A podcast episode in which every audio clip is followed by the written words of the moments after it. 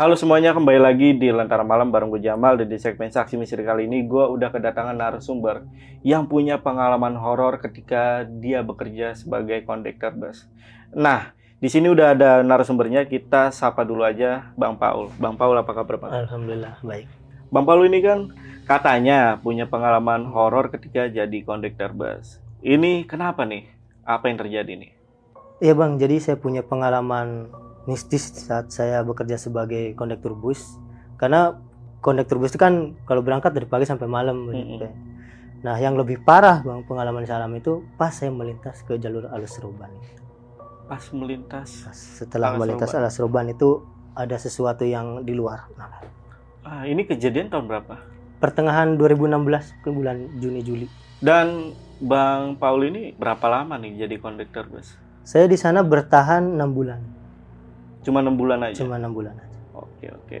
Yang penasaran sama cerita lengkap dari Bang Paul, simak video sampai habis. Tapi sebelum itu buat kalian yang pengen jadi narasumber seperti Bang Paul, kalian bisa langsung aja DM ke Instagramnya Lentar Malam itu ada di @lentarmalam.id dan jangan lupa juga untuk mampir ke Spotify kita. Untuk semua linknya gue taruh di deskripsi. Oke kalau gitu buat teman-teman yang penasaran sama cerita lengkap dari Bang Paul, tonton video sampai habis dan tanpa basa-basi lagi, saksi misteri. Kita mulai.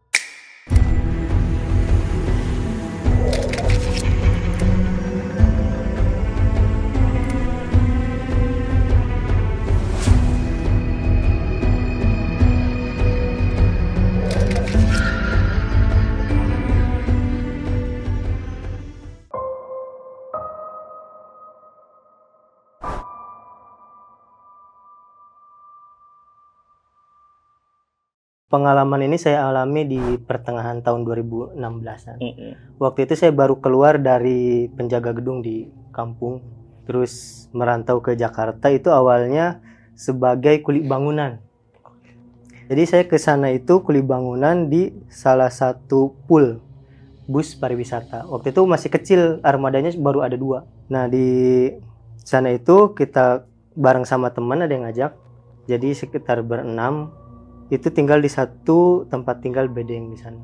Jadi awalnya selama seminggu itu saya kerja bangunan tuh bang, Mm-mm. kerja bangunan biasa. Nah kalau malam itu kita sering nongkrong di bedeng itu. Jadi di teman di lokasi bedengnya itu pinggir jalan raya, letter U. Jadi ini kamar-kamar tidur, terus di sini ada kamar-kamar tidur, di sini kamar mandi. Jadi letter U di tengah-tengahnya ini parkiran busnya. Karena dua armada kan masih kecil. Nah waktu itu kita lagi ngerjain ini nih bedeng ini, ada satu bedeng. Kita lagi kita bangun. Dan tempatnya nggak nggak ibaratnya nggak yang dari tembok eh, dari triplek triplek gitu. Yang seadanya lah cuma buat bisa tidur sama mandi belakang. Udah hampir berjalan seminggu. Nah tiba-tiba eh, si kondektur salah satu dari dua armada ini resign. Dia keluar. Akhirnya kan dia nyari lagi kan nyari nyari kondektur baru kan. Hmm. Nah, karena saya tahu di situ ada lowongan kondektur, karena eh, saya kerja di bangunan itu kayaknya capek banget gitu, kepanasan dari pagi sampai sore kan, gitu. dipanas, dijemur, kalau hujannya kehujanan, kayaknya boleh nih nyari pengalaman baru eh, di kondektur bus Hmm. kayak gitu. Akhirnya ngomong lah ke sini ke bosnya ini, emang bener ada lowongan, bener boleh nggak saya daftar? Oh boleh katanya kalau memang kamu mau. Gitu. Jadi karena udah temen tongkrongan tiap malam ya sama bosnya ini. Akhirnya ya udah masuk aja nanti lamaran mah. Gampang nyusul belakangan. Udah tuh kita masuk masuk ke kondektur itu. Udah keterima ya. Berarti kan waktu di kuli bangunan itu saya masih bareng sama anak-anak di bedeng Mhm. itu. Di satu kamar yang agak gede itu bareng anak-anak proyek tidurnya barengan. Nah ketika udah jadi kondektur ini nah dari jadi bekas bekas kamar kondekturnya kan kosong Nah itu saya diberi fasilitas itu tidur di sana bentuk kamarnya itu ya kecil cuma bisa buat tidur di belakangnya cuma buat mandi. Hmm. Kalau WC-nya itu misah jadi ada empat WC berbaris itu di pojokan sini. Jadi di, di itu tuh nggak ada WC-nya. Hmm. Berarti udah nggak kerja jadi bangunan lagi nih? Enggak. Nggak. Kuti udah pindah tapi masih di lokasi yang sama Iya. kan karena ke- waktu bangunan juga kan bangun bangun poolnya itu. Oh, oke. bangun bedeng itu. Nah, awal pindah ini di malam pertama ini saya bermimpi. Jadi set mimpinya itu di pool. Di pool itu kan letter U. Di tengah ini eh, ada kayak pembatas itu pohon beringin ada empat pohon beringin sama pohon ceri kecil-kecil nah bus itu kalau parkir kiri kanan biasanya saya mimpi di situ didatangin dua sosok kuntilanak jadi yang satu di pohon sorry sorry bukan beringin asem gitu ya. Kalau di sini pohon asem yang gede yang satu di pohon asem yang satu di pohon ceri itu hadap hadapan itu nggak ada omongan interaksi ya. Tapi kita ngerti bahwa si makhluk ini ngusir kita. Suruh pergi pergi dari sini dari lingkungan ini. Nah di situ mulai tuh terbang-terbang arah saya di mimpinya itu terbang-terbang segala macam ke saya di situ berani enggak ini udah saya udah di sini udah tinggal di sini saya nggak mau pergi gitu. Kalian aja yang pergi. Ya itu berani. Kayak kayak setengah sadar gitu. Akhirnya kebangun dengan deg deg deg deg, kok mimpi kayak gini gitu kan. Ini kenapa mimpi kayak gini? Udah selesai saya ceritain mimpi itu ke supir saya. Kata supir saya oh nggak apa-apa itu mah udah biasa memang. Memang yang penunggu sini. Jadi memang dia itu sosok penunggu yang di situ. Jadi katanya sih ini eh, sebelum dibangun bedeng ini tuh wilayah ini kalau dibilang tuh suwung. Suwung tuh apa ya? sungil. Jadi angker. Ah, Oke. jadi memang udah angker dia udah di sana. Makanya dia setiap ada orang baru tuh suka jahil suka pengen ngusir katanya. Nah di malam berikutnya itu sekitar jam satuan mungkin ya. Saya dengar dari luar itu ada orang lagi nyapu halaman malam-malam. Jadi kayak terdengar tapi nggak normal kalau orang nyapu halaman kan biasa serak serak serak serak, serak, agak cepet kan ya. Iya. ini enggak cuma serak agak lama serak lama lagi serak. Didengerin suara apa kan dari dari sambil sebelum tidur tuh. Karena penasaran kan saya intip juga tuh dari jendela. Hmm. Diintip di halamannya itu nggak ada apa-apa.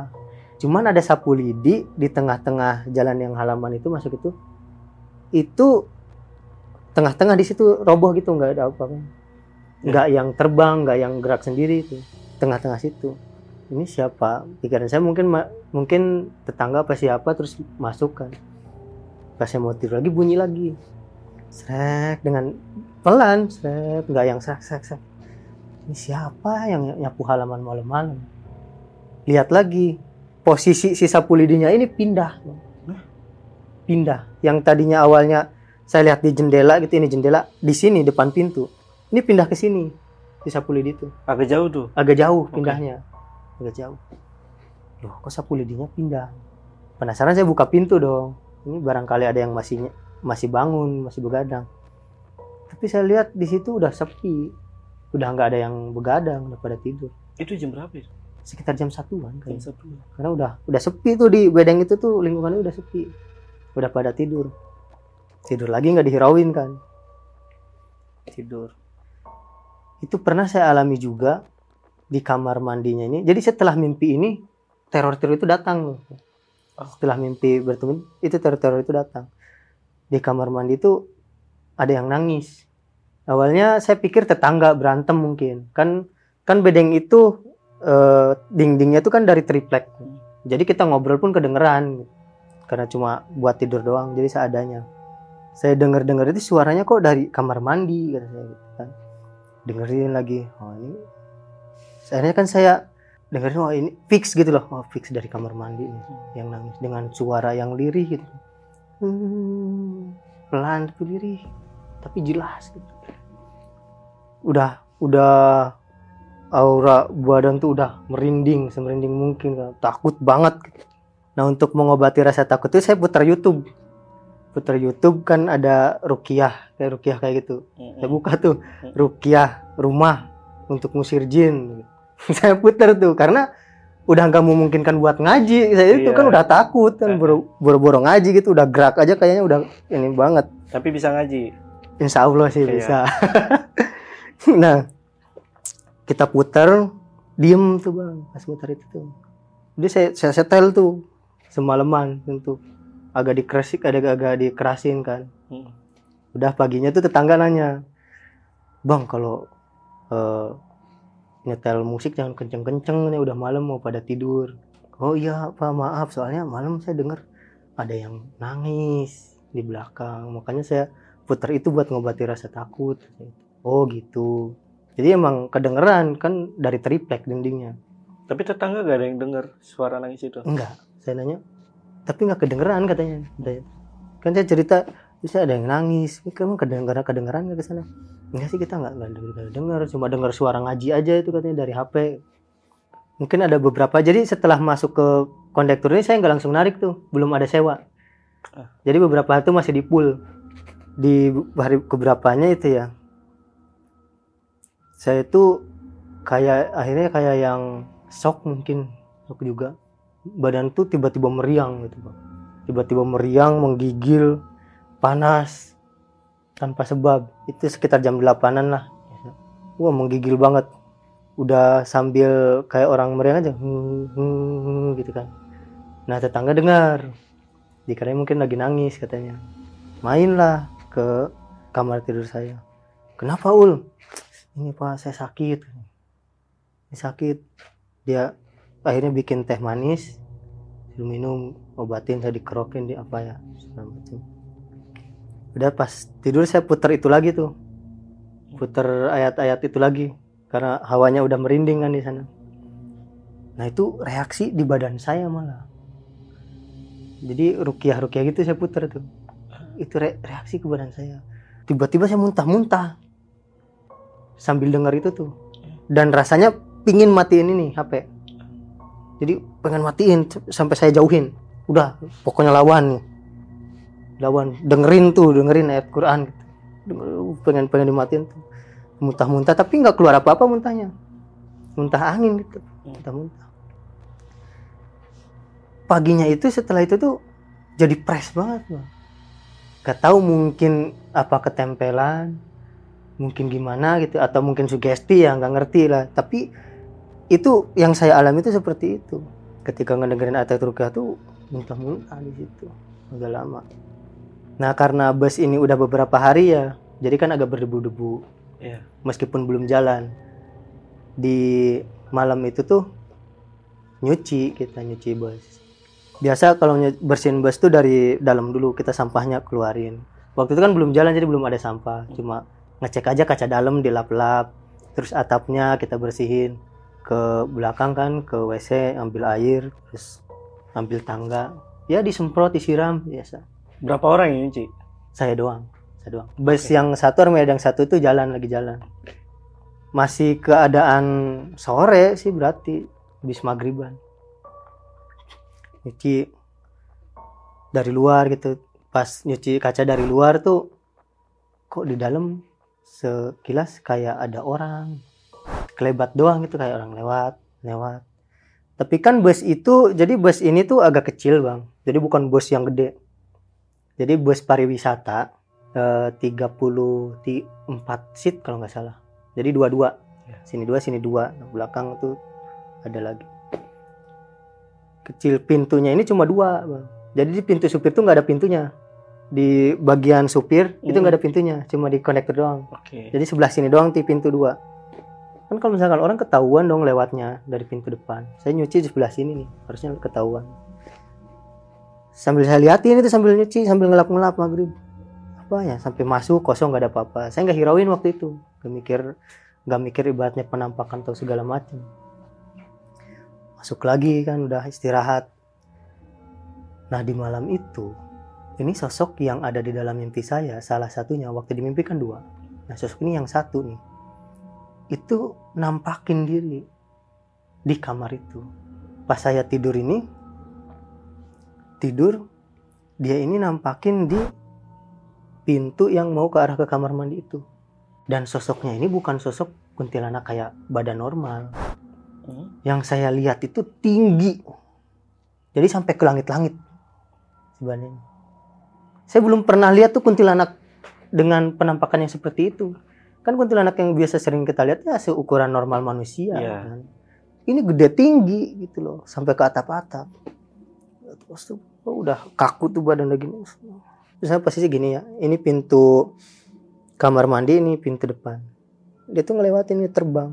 ya, sini ke depan tepat ke kaki saya keluar Rasanya gimana itu?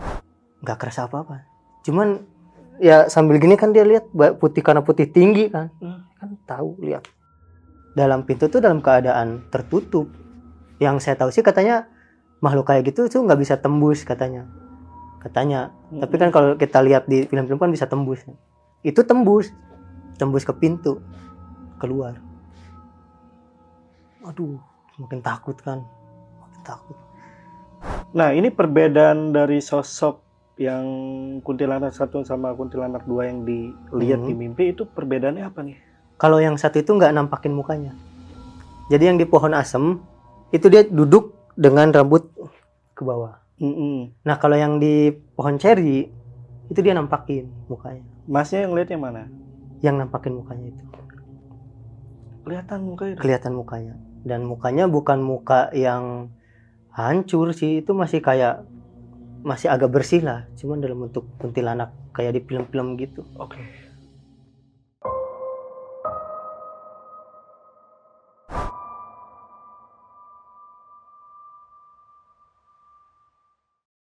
nah besoknya kita eh, punya orderan sewa ke Bandung jadi kan bus ini kan bus pariwisata Hmm. Kita ngambil di daerah mana gitu ya saya lupa daerahnya tuh. Karena waktu itu masih baru belum hafal wilayah kan. Tapi kita harus standby di sana itu jam 6 Hmm. jadi ini orang-orang mau wisata berangkatnya jam 6 biar nyampe di Bandung itu nggak kemalaman gitu nggak terlalu sore. Mau nggak mau karena jaraknya agak jauh jadi kita standby itu jam 3 tuh harus berangkat.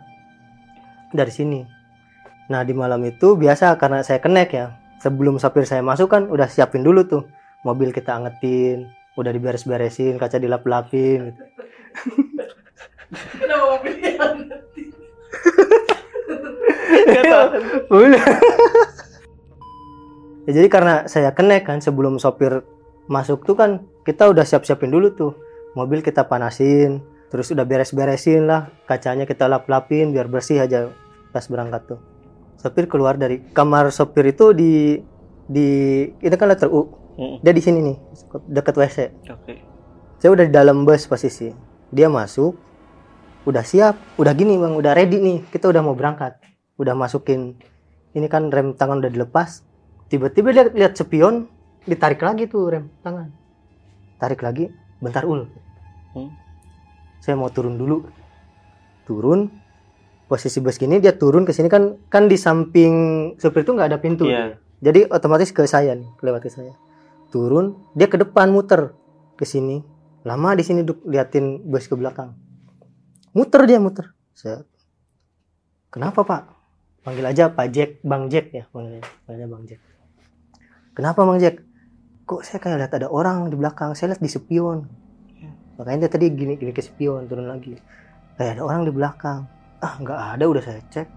Lagian kan malam-malam jam 3 udah nggak ada orang. Nah kata bang Jack ini dia lihat ada orang duduk di belakang paling bari bangku paling belak- belakang tapi setengah. Jadi bus setengah itu di dalam setengah di luar. Makanya dia kelihatannya di spion di spion mobil. Ah yang bener ah jangan nakut nakutin bang. Hmm. itu udah keberangkatan pertama lagi kan saya. Pikir saya wah ini jangan nakut nakutin pak. Mungkin lagi di ospek apa gimana gitu. Uh-uh. anak baru enggak beneran di situ. Ya udahlah Bismillah jalan aja. Jalan. Jalanlah kita ke Bandung itu. Sorry, kata Bang Jack sosoknya ini perempuan atau perempuan. Perempuan. iya jadi sosok dia tuh lihat sosok perempuan setengah. Jadi setengah itu di dalam Iya. setengahnya itu di luar. Di luar bus. Cuma setengah doang. Dia ngira kenapa keluar ngiranya di belakang mobil. Tapi itu dalam keadaan duduk kan. Kalau duduk kan setengah kelihatan bukan berdiri. Mm-mm. makanya dia turun mastiin tapi nggak ada apa-apa. Akhirnya malam itu eh pagi itu sorry pagi itu kita berangkat ke ngantar sewa ke Bandung. Di perjalanan itu nggak ada apa-apa aman-aman aja. Nah pas pulangnya ini ini kejadian yang bisa bilang hampir sering terjadi di bus saya ini. Pas pulang itu kita kan kalau bus tuh kalau sambil jalan tuh nyetel musik ya. Mm-mm. musik dangdut lah biasanya. Ada satu penumpang kita yang tidur dia erap-erap di dalam kondisi pulang itu. Berarti pulang tuh malam. Dari keadaan sepi lampu lampu bus udah lampu yang yang low light gitu. Tuh uh uh uh uh. Nah si teman. Saya ketawa sih nah ada orang rep-rep nah yang di sebelahnya itu kan masih beberapa di sana tuh masih dalam kondisi bangun Mm. eh kenapa tuh kenapa tuh dibangunin kenapa Astagfirullah dia langsung Astagfirullah saya mimpi mungkin karena yang bangun mimpi rep-rep saya mangku kuntilanak jadi dia tuh tidur di bus di dalam mimpinya itu dia di posisi yang sama Iya. tapi di depannya itu ada kuntilanak. Nah, yang kita yang di busnya akhirnya kan malah ketawa gitu, bukan bukan serem. Ah, lu orang masa di masa di bus erap-erap. Lagian bisa-bisanya masa iya tidur di bus sampai saya nyenyak gitu, sampai saya erap-erap. Sumpah katanya. Saya di depan tuh dengerin gitu percakapan mereka. Udah udah makanya makanya berdoa. Udah tuh tidur lagi. Sampailah ke eh, tempat lokasi awal penjemputan itu. Udah pada turun lah mereka. Kita kan pulang udah kosong tuh, pulang ke pool. Mm-mm. Di perjalanan ini kita lagi biasa musik dangdut kita kencengin tuh, nggak pernah lepas dari musik dangdut tuh. Sekilas nih bang, terdengar suara kayak orang nangis di belakang di belakang kita tuh, di belakang jok tuh. Kok kayak ada yang nangis ya, kayak ada seorang nangis. Kecilin tuh volume, kecilin. Ah nggak ada. Bang Jack denger nggak? Kayak ada orang suara nangis ya. Ini dari lagunya apa dari belakangnya? Nggak ada. Dia kan fokus. Kencengin lagi. Nangis lagi, kedengeran lagi. Dengan suara lirih lagi. Akhirnya saya matiin aja. Ah penasaran, ganti lagu pak, ganti lagu. Udah saya mau matiin aja, matiin. Fokus tuh malam tuh. Di perjalanan beneran bunyi, ada yang nangis. Mm. Hmm. Loh, beneran pak ada yang nangis. Kayak feeling saya sih kayaknya dia juga denger ya. Cuman waktu itu mungkin buat nenangin. Enggak, ah, udah kamu mah udah tidur aja tuh udah kecapean tuh halusinasi kan. Feeling saya sih dia juga denger ekspresi wajahnya udah beda Mm. kayak tadi tuh. Pulang sampai ke pulah kita di pool tuh ngobrol lagi bahas itu lagi. Bang, sebenarnya denger gak sih? Ya sebenarnya tuh denger. Ada yang nangis dia juga bingung sebelum sebelumnya itu nggak pernah ada kejadian itu bang di bus tuh sama kondektur yang lama tuh aman-aman aja. Mm. ini baru sama saya aja ngalamin kejadian ini. Di busnya ya. Biasanya tuh kejadian kuntilanak itu dialami di lingkungan bedeng aja. Nggak sampai masuk ke bus di perjalanan gitu. Nah begitu kita sampai di pool biasa tugas kenek itu kan bersih bersih Mm. jadi begitu nyampe supir mah udah masuk kamar istirahat. Kita tuh bersih bersih pulang dari Bandung tuh udah jam 2 malam jam 2 pagi kondisi kan udah pada pada tidur tuh. Bus yang satu juga ada di situ tapi kan eh, supir sama koneknya udah pada tidur. Jadi saya nyuci sendirian. Biasa bersih bersih bangkunya bersihin bawahnya eh, sampah sampahnya keluarin. Saya mau ngambil ember buat buat ngelap ngelap di dalam. Itu di pohon asem. Nampakin kuntilanak yang rambutnya ke bawah kuntilanak rambutnya ke bawah duduk gini biasa unjang-unjang dia. Ngeri gitu. Saya pengen pengen udah tuh sebenarnya. Iya. tapi di di saat itu saya harus beresin nih bos. Karena besok paginya jam 8 kita harus jalan. Jadi udah mending beresin sekarang terus istirahat biar full gitu loh biar nanti pas berangkat fresh. Duh gimana ini ya? Kalau kalau misalkan saya tidur nanti takutnya kebablasan pas berangkat belum beresin bus hanya dengan dengan rasa takut cuekin aja tuh. Si sosok yang di di asam pohon asam ini. Saya ke kamar ke WC ngambil air. Beres-beres yang dalam udah beres. Dalam udah beres. Kalau bersih bersihnya sore biasanya sambil, saya sambil nyetel musik. Mm. karena ini malam itu suasana hening banget. Udah nggak ada suara apa apa begitu keluar eh, ambil ke bagasi yang Ya. belakang tuh ambil tangga saya taruh dia ada di, di atas blower itu. Si sosok kuntilanak itu. Tapi yang ini yang mukanya kelihatan. Jadi dua sosok yang ada di mimpi ini ini nampakin di dunia nyata. Memang ada ternyata di situ. Di atas. Astagfirullah aduh udah udah udah bingung sebingung bingungnya itu. Mau gimana mau ditinggal udah keadaan capek pasti besok kesiangan gitu nggak mungkin cepet beresin pas berangkat. Itu berarti posisinya di atas di bis ya? atas jadi bus itu kan kalau bus gede itu blowernya kan di tengah. Iya, iya. karena ini kecil posisi blower itu di di belakang. Ini sebenarnya kondektur. Ini di sini nih. Pas di bawah kondektur sama supir belakangnya. Iya. berarti di bangku pertama lah Hmm. jajaran situ. Di atas itu dia duduk. Saya kan harus naik tangga bersihin kaca Iya, iya. akhirnya udah saya ke belakang dulu. Bersihin yang di belakang dulu. Berharap sambil ini hilang nih. Ini udah udah ngeri banget sebenarnya.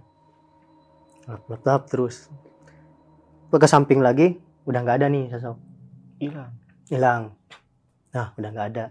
Jadi waktu itu saya agak berani soalnya eh, melihat yang kayak gitu sebelumnya juga udah pernah sih bang. Jadi kuncinya ya cuekin aja.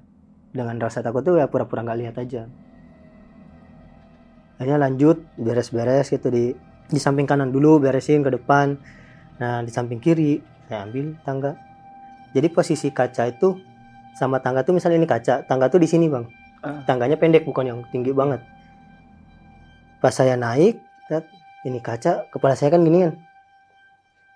Dilap. Ini dia duduk di di bangku itu. Gini. Apa gitu? Lihat-lihat mastiin gitu kan. Hmm. kok ada orang? Begitu nengok dia uh ya hampir jatuh tuh. Ganggu banget. Dan yang di pool ini kejadian ini tuh selama saya kerja enam bulan itu hampir sering. Pokoknya dalam seminggu sekali tuh pasti pasti sosok ini tuh nampakin diri. Paling jarangnya tuh seminggu sekali ya. Paling seringnya mungkin bisa seminggu tiga kali. Tapi hampir setiap minggu sekali tuh pasti nampak Gak kebayang gua kalau di posisi selama enam bulan itu. Eh, ya mau nggak mau saya juga sih mas. Iya, iya, iya. karena nggak ada kerjaan lain. Udah selesai kelar. Udah istirahat tuh sampai nunggu pagi. Jadi kenek itu waktu istirahat tidur lima menit aja itu udah berharga banget tuh. Karena kita di perjalanan nggak tidur gitu kan. Pulang harus bersih bersih ya itu ada waktu tuh tidur. Berarti kan selesai itu sekitar jam 4 jam 5 6 7 saya udah bangun lagi tuh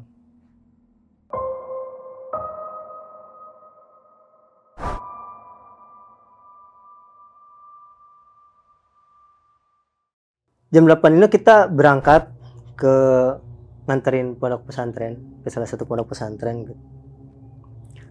berangkat normal tuh perjalanan siang kan normal aja sampai pas deket deket tujuan lokasi tujuan itu kita ngelewati jalan yang agak sempit posisi bus ini kalau ketemu mobil pribadi itu harus ganti-gantian gitu loh harus Hmm. ada yang berhenti salah satunya dan itu posisi lagi agak rame Di daerah mana ini? di daerah Tangerang. Ini jalannya sempit gitu. Nah, kita santai nih bus. Gak tahu kenapa ini mobil pribadi di depan. Ini udah tahu jalanan sempit, dia kenceng. Yang lain tuh pelan, gantian. Ini dia agak kenceng. Akhirnya kita belok ke sini, dia mungkin kurang imbangi gitu ya. Di kirinya sebenarnya belum belum mentok gitu, masih bisa ke kiri lagi. Kena lah, der bumper depan tuh penyok ketabrak bus kita Hmm. bus kita juga penyok cuman nggak parah cuman mobil dia tuh parah penyok sampai pintu pintu sopir itu udah nggak bisa dibuka. Kekunci gitu karena ketabrak kerak gitu. Sampai nggak bisa kebuka. Turun udah udah keadaan rame kan marah-marah tuh orang itu. Oh yang bener lo bawa ini. Ah macam lah segala macam omongan kasar. Akhirnya saya turun ke sana. Pak ini aja deh ini aja deh. Ini posisi rame. Udah mending kita selesaiin di pesantren aja. Kita mau bawa sewa nih ke pesantren. Nggak jauh kok udah deket nih posisinya. Ah nanti lu kabur. Enggak mobil kita segede gaban. Kelihatan nggak mungkin kabur gitu Hmm. nah akhirnya tuker-tukeran nomor awalnya Ya, barang dia buat pasti biar gak kabur gak kabur kalau udah aktif aktif antar dia ngikut dari belakang kan Nah nyampe lokasi tujuan, wah terjadi perdebatan lah tuh. Mm. Pokoknya si orang itu ngeyel pengen ganti rugi. Akhirnya nel- nelpon ke bos kita kan. Ah udah, kalau bos kita tuh agak apa ya unik gitu orangnya. Udah kalau orang yang ini tabrakin lagi aja, biar hancur. Tenang aja kita punya asuransi. Gitu. Berapa sih mobil pribadi ganti aja. Jadi emang gitu gayanya sih, Iya, iya. baik orangnya cuman gitu gaya. Udah nggak usah mikirin apa-apa, tenang aja. Nanti semua biayanya saya ganti suruh sini aja datang ke pool katanya gitu. Beres mungkinnya itu ya mas itu. Kalau saya masih di depan tuh masih beresin bekas tabrakannya tuh. Saya lap-lapin tuh kondisi mobil itu tuh. Beres mungkin udah kata sepakat, akhirnya pulang. Si orang yang ketabrak ini. Oke. Itu debatnya tetap di dalam mobil orang. Oh enggak di, di luar Oh, maksudnya kan nggak bisa kebuka tadi. Ada pintu samping sebelah keluar. Iya. Udah kelar, kita arah pulang arah kembali ke pool ini. eh, itu kan sore.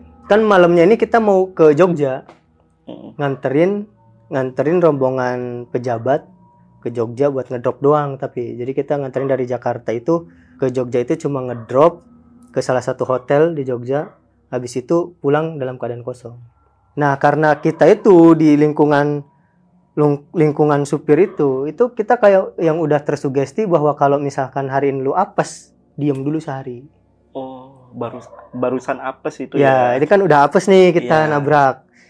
Itu diem dulu sehari jangan dilanjut katanya. Udah istirahat dulu. Apa mitosnya? Mitosnya nanti kecelakaan lebih parah. Mitosnya. Jadi kayak yang udah tertanam sugesti itu loh di kita Hmm. itu. Ya saya ngobrol kan sama Bang Jack. Aduh Bang Jack gimana nih? Ini kita udah nabrak. Udah mana malam mau berangkat ke Jogja. Akhirnya ne- nelpon bos sampai eh, bos pun nyari armada lain Mm. awalnya biar kita besok istirahat dulu benerin mobil tapi waktu itu si sewanya nggak mau jadi sewanya ini maunya mesen ke kita ya harus kita yang berangkat. Nggak mau dipindah ke armada lain. Oke. meskipun diganti yang lebih gede apa lebih gimana gitu nggak mau. Nah sementara kondisi bus yang satunya lagi ini udah full. Dia juga lagi keluar. Nggak bisa gantiin. Akhirnya nggak mau nggak mau kita harus berangkat lagi dalam kondisi mobil yang masih penyok itu. Bekas tabrakan itu udah ngobrol udah Bismillah aja kata busnya sambil ambil surat jalan kan kita mudah-mudahan nggak apa-apa. Ini udah saya usahain sebenarnya udah nyari udah nyari armada lain PO lain cuman sewanya nggak mau tetap Hmm. pengennya kita yang jalan. Ya udah terpaksa kan ambil surat jalan sama uang bensin tuh. Berangkat lah malam itu. Perjalanan malam dari Jakarta ke Jogja itu nggak ada apa-apa bang. Normal perjalanan. Eh gitu jalan sampai kita masuk tol itu kondisi macet. Agak macet gitu ya. Macet, macet sampai akhirnya pelan-pelan akhirnya kita lihat oh ada yang kecelakaan di depan.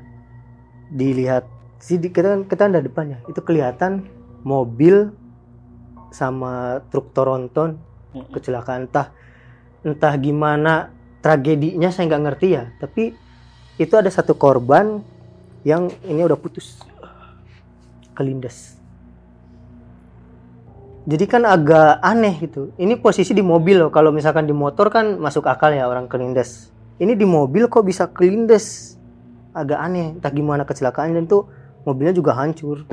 Itu di daerah mana? masih tol Cipali. Ah. masih tol Cipalian. Udah hancur. Lah sugesti kita makin kuat lagi kan Bang. Aduh kok lihat yang kayak gini? Udah pagi kita nabrak malamnya kita berangkat lihat orang kecelakaan. Udah udah gak apa-apa. Udah jangan jangan tersugas nanti jadi kenyataan. Udah Bismillah aja berangkat. Berangkat. Orang-orang eh, para pejabatnya juga lihat kecelakaan. Wih ngeri ngeri. Sampailah kita di salah satu hotel di situ. Kita ngedrop ternyata dia cuma naruh barang doang ke hotel itu. Ke hotel itu ngedrop cuma nga- naruh barang doang terus ikut lagi minta dianterin ke stasiun. Turunin di sana udah kelar. Kita bisa pulang. Nah waktu itu kan eh, kondisi masih sore ya pas sampai sana itu. Saya ngomong ke bang Jack apa kita istirahat dulu aja deh di sini buat menghindari perjalanan malam. Biar besok pagi-pagi kita berangkat. Tapi istirahat di mana di sini udah itu kan parkiran banyak. Udah nggak apa-apa semalaman di parkiran mah gitu. Ya, misalnya istirahat dulu. Cuman si sopir saya ini nggak udah langsung pulang aja. Eh, insya Allah masih kuat. Ini pak langsung pulang kondisi malam. Ya nggak apa-apa. Pulang lah kita di jalan biasa dalam kondisi kosong ini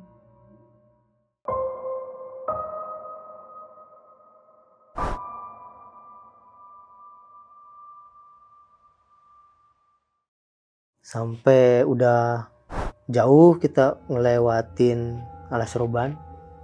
Yang kata orang itu udah terkenal angker gitu Iya, ya. Iya. kita ngelewatin alas roban biasa di jalur di jalur yang di jalur yang lurusnya masuk lurus. Agak jauh tuh udah masuk batang. Ini gangguan di belakang ini muncul lagi. Tiba-tiba lagi tiba-tiba suara bu di belakang. Kayak orang jatuh oh apa yang jatuh? Saya ngecek kan? Heeh. ke belakang. Nggak ada apa-apa pak. Tapi kita dengar itu jatuh suara orang jatuh. Duduk lagi. Musik kencangin lagi gitu. Kedengeran lagi. Suara orang nangis lagi. Ada suara orang nangis lagi. Ah udah cuekin aja gitu. karena kita udah paham sebelumnya ngalamin ini. Mm-mm. udah cuekin aja. Nah akhirnya musik yang tadinya dangdut kita ganti murotal tuh bang. Kita ganti murotal. Ganti surat eh, baca Al-Quran gitu kan. Udah jalan. Pas di perjalanan malah kita nyium aroma melati. Kenceng banget aromanya. Kok bau melati? Ya logika ya. Nggak ada pengharum aroma melati Mm-mm. bus rata-rata pengharum jeruk kayak gitu melon. Dan kita nggak pernah beli yang aneh-aneh pasti wanginya cuma jeruk melon gitu. Kok ini melati kencang banget wanginya? Eh, ini melati nih gitu. Masih dibiarin berubah bau aromanya nih. jadi bau bangke.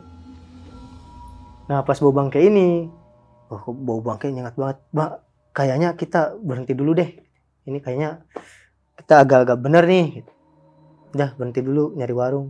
Nah kita jalan di sana itu wilayah apa ya pokoknya masih daerah Batang gitu. Ada warung-warung berjejer tuh bang Mhm. wilayah situ tuh. Ini biasa jalanan ini kalau sering dilewati yang karoseri mobil. Karoseri mobil yang belum ada bentukannya tuh yang cuma ada orang doang sama bodi doang. Itu setelah alas roban ya? Iya setelah Sorban setelah lewatin. Kita berhenti di jajaran warung paling akhir. Jadi ini warung deret- deretan warung belakangnya tuh hutan. Pohon-pohon jati itu warung-warung ini semuanya tutup. Nah di ujungnya ada yang buka satu. Kita berhenti di sana.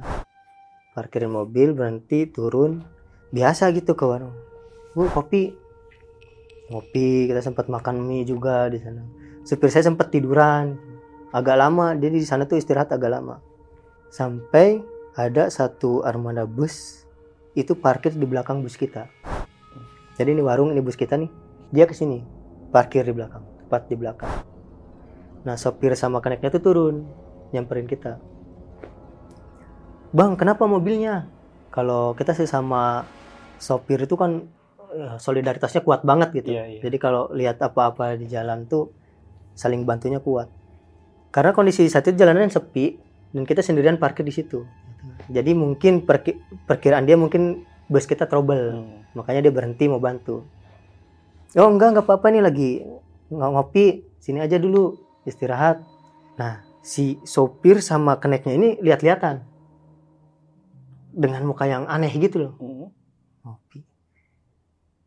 Bang mending nggak usah lama-lama di sini deh katanya. Udah langsung jalan aja kata sopirnya. Terus saya sama sopirnya ini dibawa ke samping mobil bus ini. Jadi ini warung ini kan ke samping ini kan kelihatan.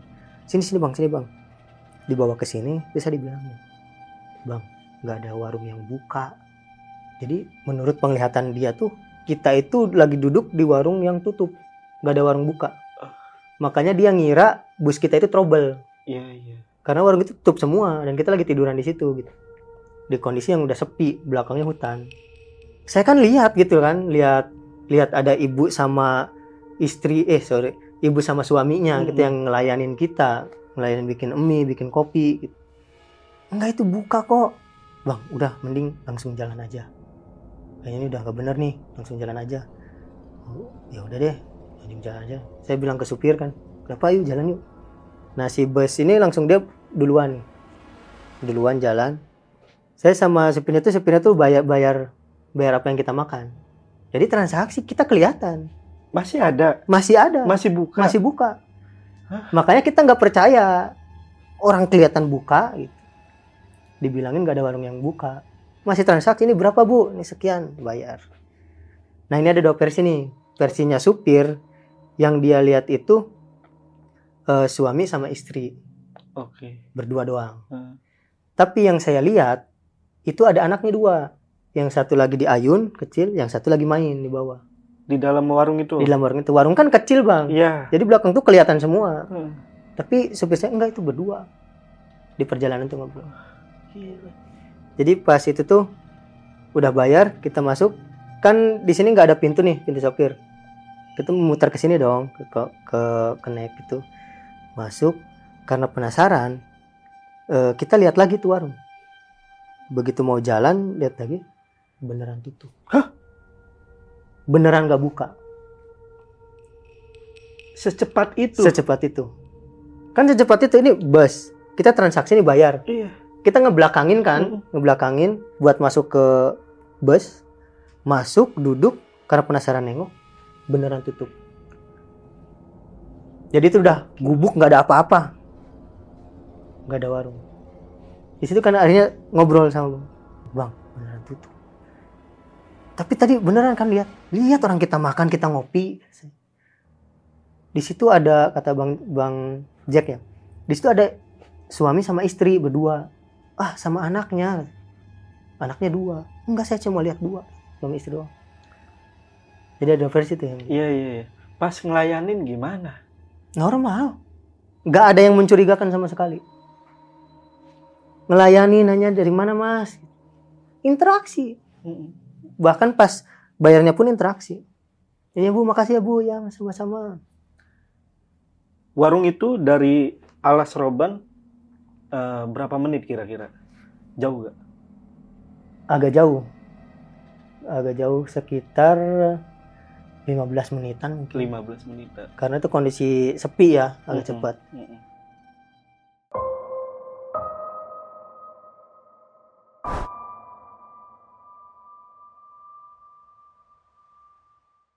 Setelah nyium nyium aroma bangke ini ya, kan ada agak ah nggak beres nih kita melipir dulu akhirnya udahlah jalan dengan kita berdua tuh jalan tuh tatapan kosong gini pada bengong aja jalan. Hmm. bingung gitu loh Iya. mencerna apa yang sudah terjadi itu loh karena kita makan kita ngopi ini yang kita makan Kenyang apa kenyang Ya. berasa nggak ada yang aneh sekalipun. Nah kita udah keluar tuh lewat jalur Perupug kan. Masuk tol Brebes kali lagi. Kita masuk tol lagi. Itu keadaan udah udah malam banget. Nah di tol ini ada hal aneh lagi nih. Kita perjalanan normal. Jadi kan di jalan itu kan ada tiga baris gitu ya. Mm-mm. ini yang eh, lambat tengah sama yang cepat. Kita di jalur tengah kita bawa bus tuh lurus aja udah di jalur tengah aja dengan kecepatan yang gak cepat-cepat banget biasa gitu standar nah tapi di belakang kita ini mobil banyak banget gak ada yang nyelip gak ada yang nyalip kita Mm. Kemudian di belakang tuh banyak banget.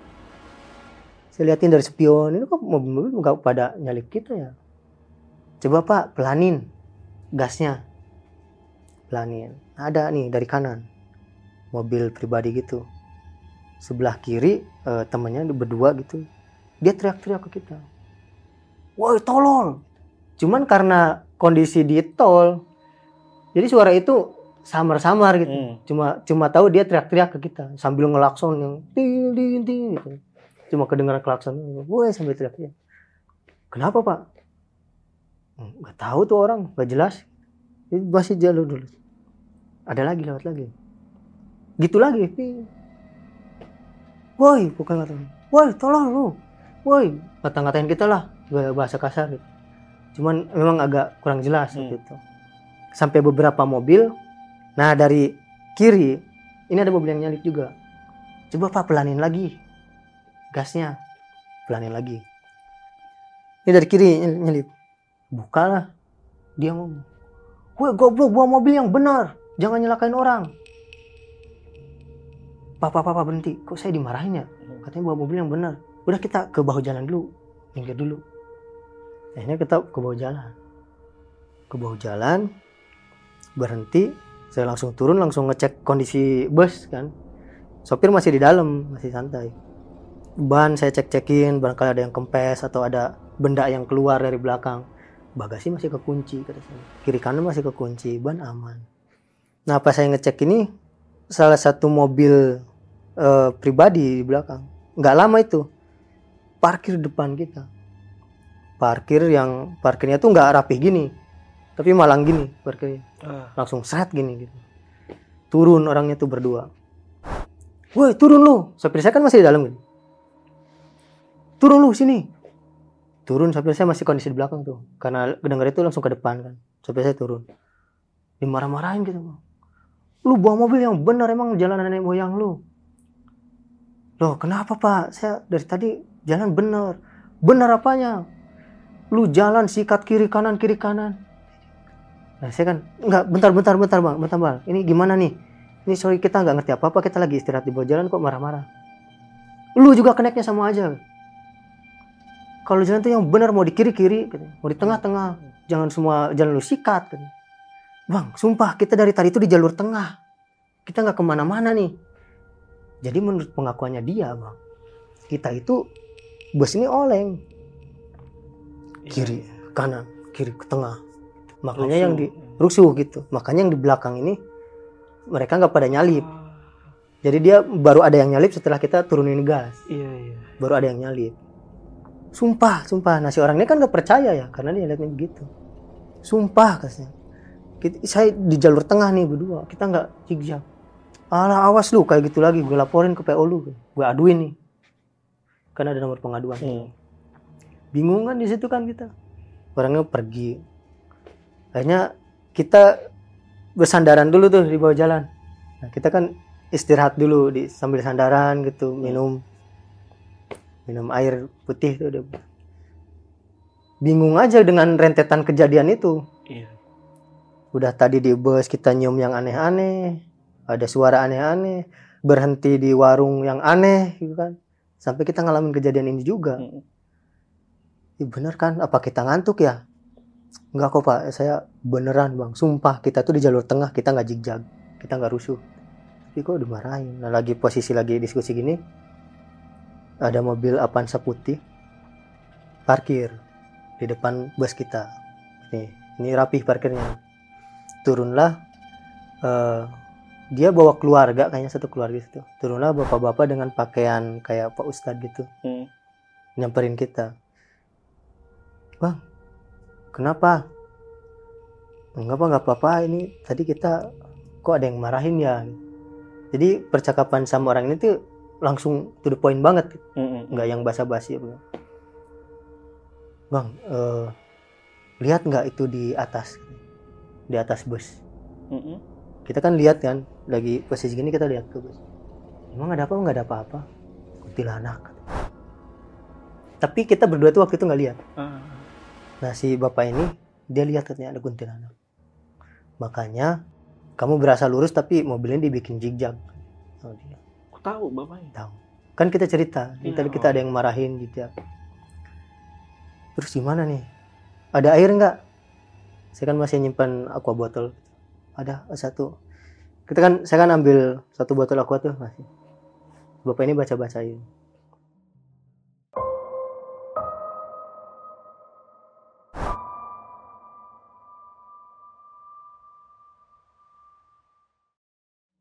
Ini kamu cepret-cepretin hari ini ke semua bangku Hmm. bus, Hmm. ke pinggiran bus, semua roda-rodanya. Cepret-cepretin tuh sedikit-sedikit nah, biar cukup. Rodanya cepet-cepetin bus, bangkunya satu-satu. nah si bapak-bapak ini pas habis doain itu langsung pamit. Jadi emang bisa dibilang misterius juga nih orang itu cuma datang nanya kenapa. Mm-mm. terus tanpa basa-basi gitu di sini saya langsung langsung kasih aja cepet cepet cepet udah dia langsung pulang. Posisi pulang saya masih nyepret nyepretin itu masuk lagi eh, ke mobil ya nah tapi bagian atas ini saya lupa. Nggak dicepret bagian atas. Mm-mm. jadi cuma pinggir kaca jadi nggak naik ke atas. Iya iya. udah kita juga kita udah agak tenang nih karena udah di beresin lah tadi kan sama ada yang ada orang ngerti itu. Jalan. Pas jalan pas ke posisi lagi agak kencang itu jarak udah agak jauh tuh dari situ tuh. Tiba-tiba aja bus di depan kita ngerem ngedadak. Ah, padahal kondisi jalan malam itu sepi. Sepi di tol Cipali itu sepi. Maksudnya eh, paling ada beberapa mobil lewat gitu. tiba-tiba ngerem mendadak kita kaget dong langsung. Dar! tabrak belakang. Udah gini. Kan. Udah bingung ini gimana. Kaca, kaca sampai bumper depan itu udah hancur lah. Kaca dua kaca kita tuh sen tuh hancur kaca mobil kita juga udah retak kondisinya. Tapi nggak yang sampai pecah itu mm. cuma retak gitu retak lama tuh duduk. Akhirnya turun saya cek. Si keneknya juga turun dia ke, ke saya kan nyampir ke itu ke belakang. Mobil dia itu cuma penyok bagasinya aja karena ketahan sama bumper. Iya. yang parah tuh mobil kita hancur semua tuh depannya. Ya karena bus sama bus ya kita kita bisa ngobrol baik-baik gitu. Hmm. dan dia juga ngakuin lah dia ngerem ngedadak.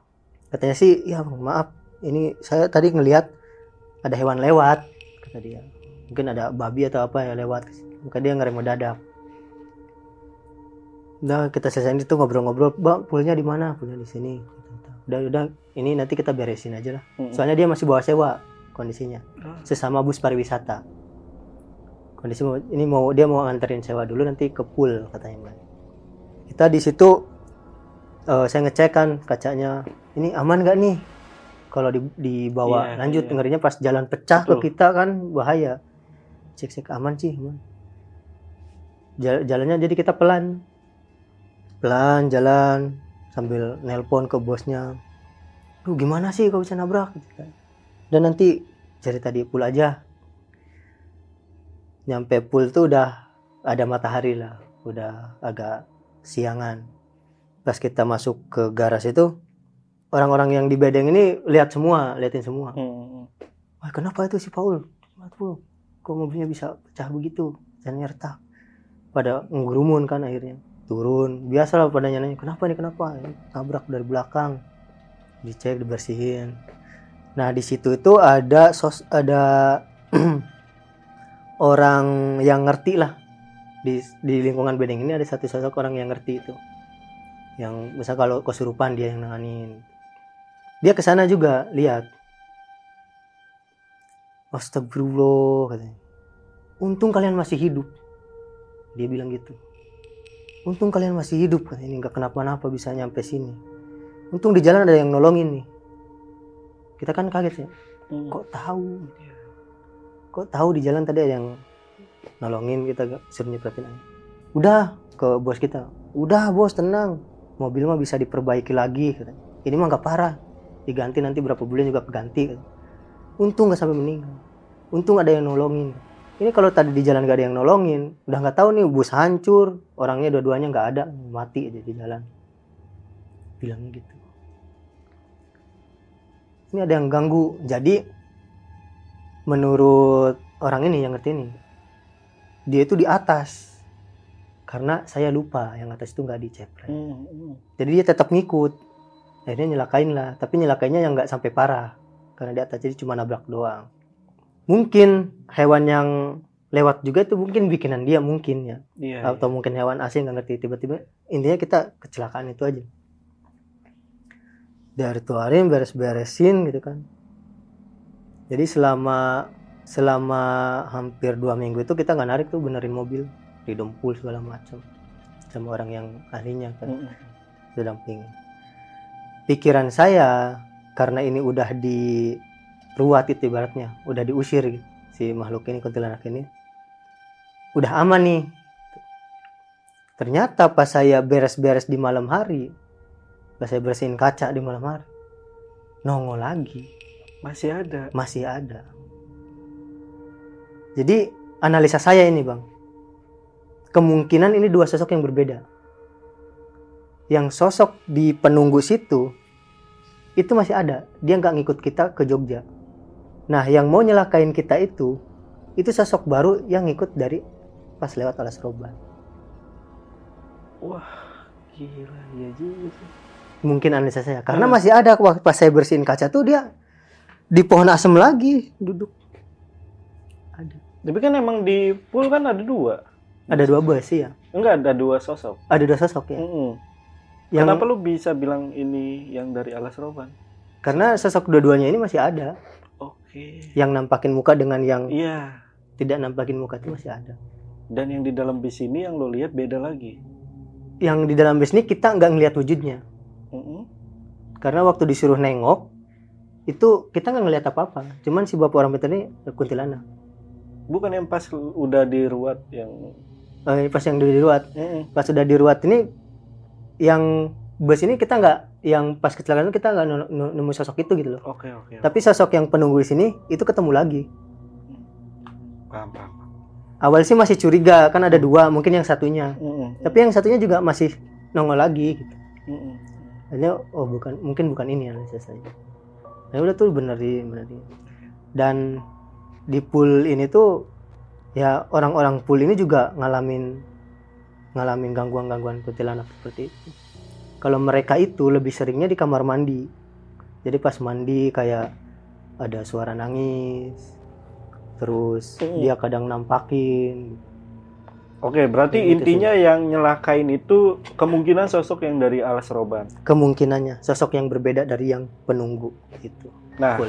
sosok yang di alas roban itu ngikut gak sampai pool, sampai setelah diruat itu masih ada gak?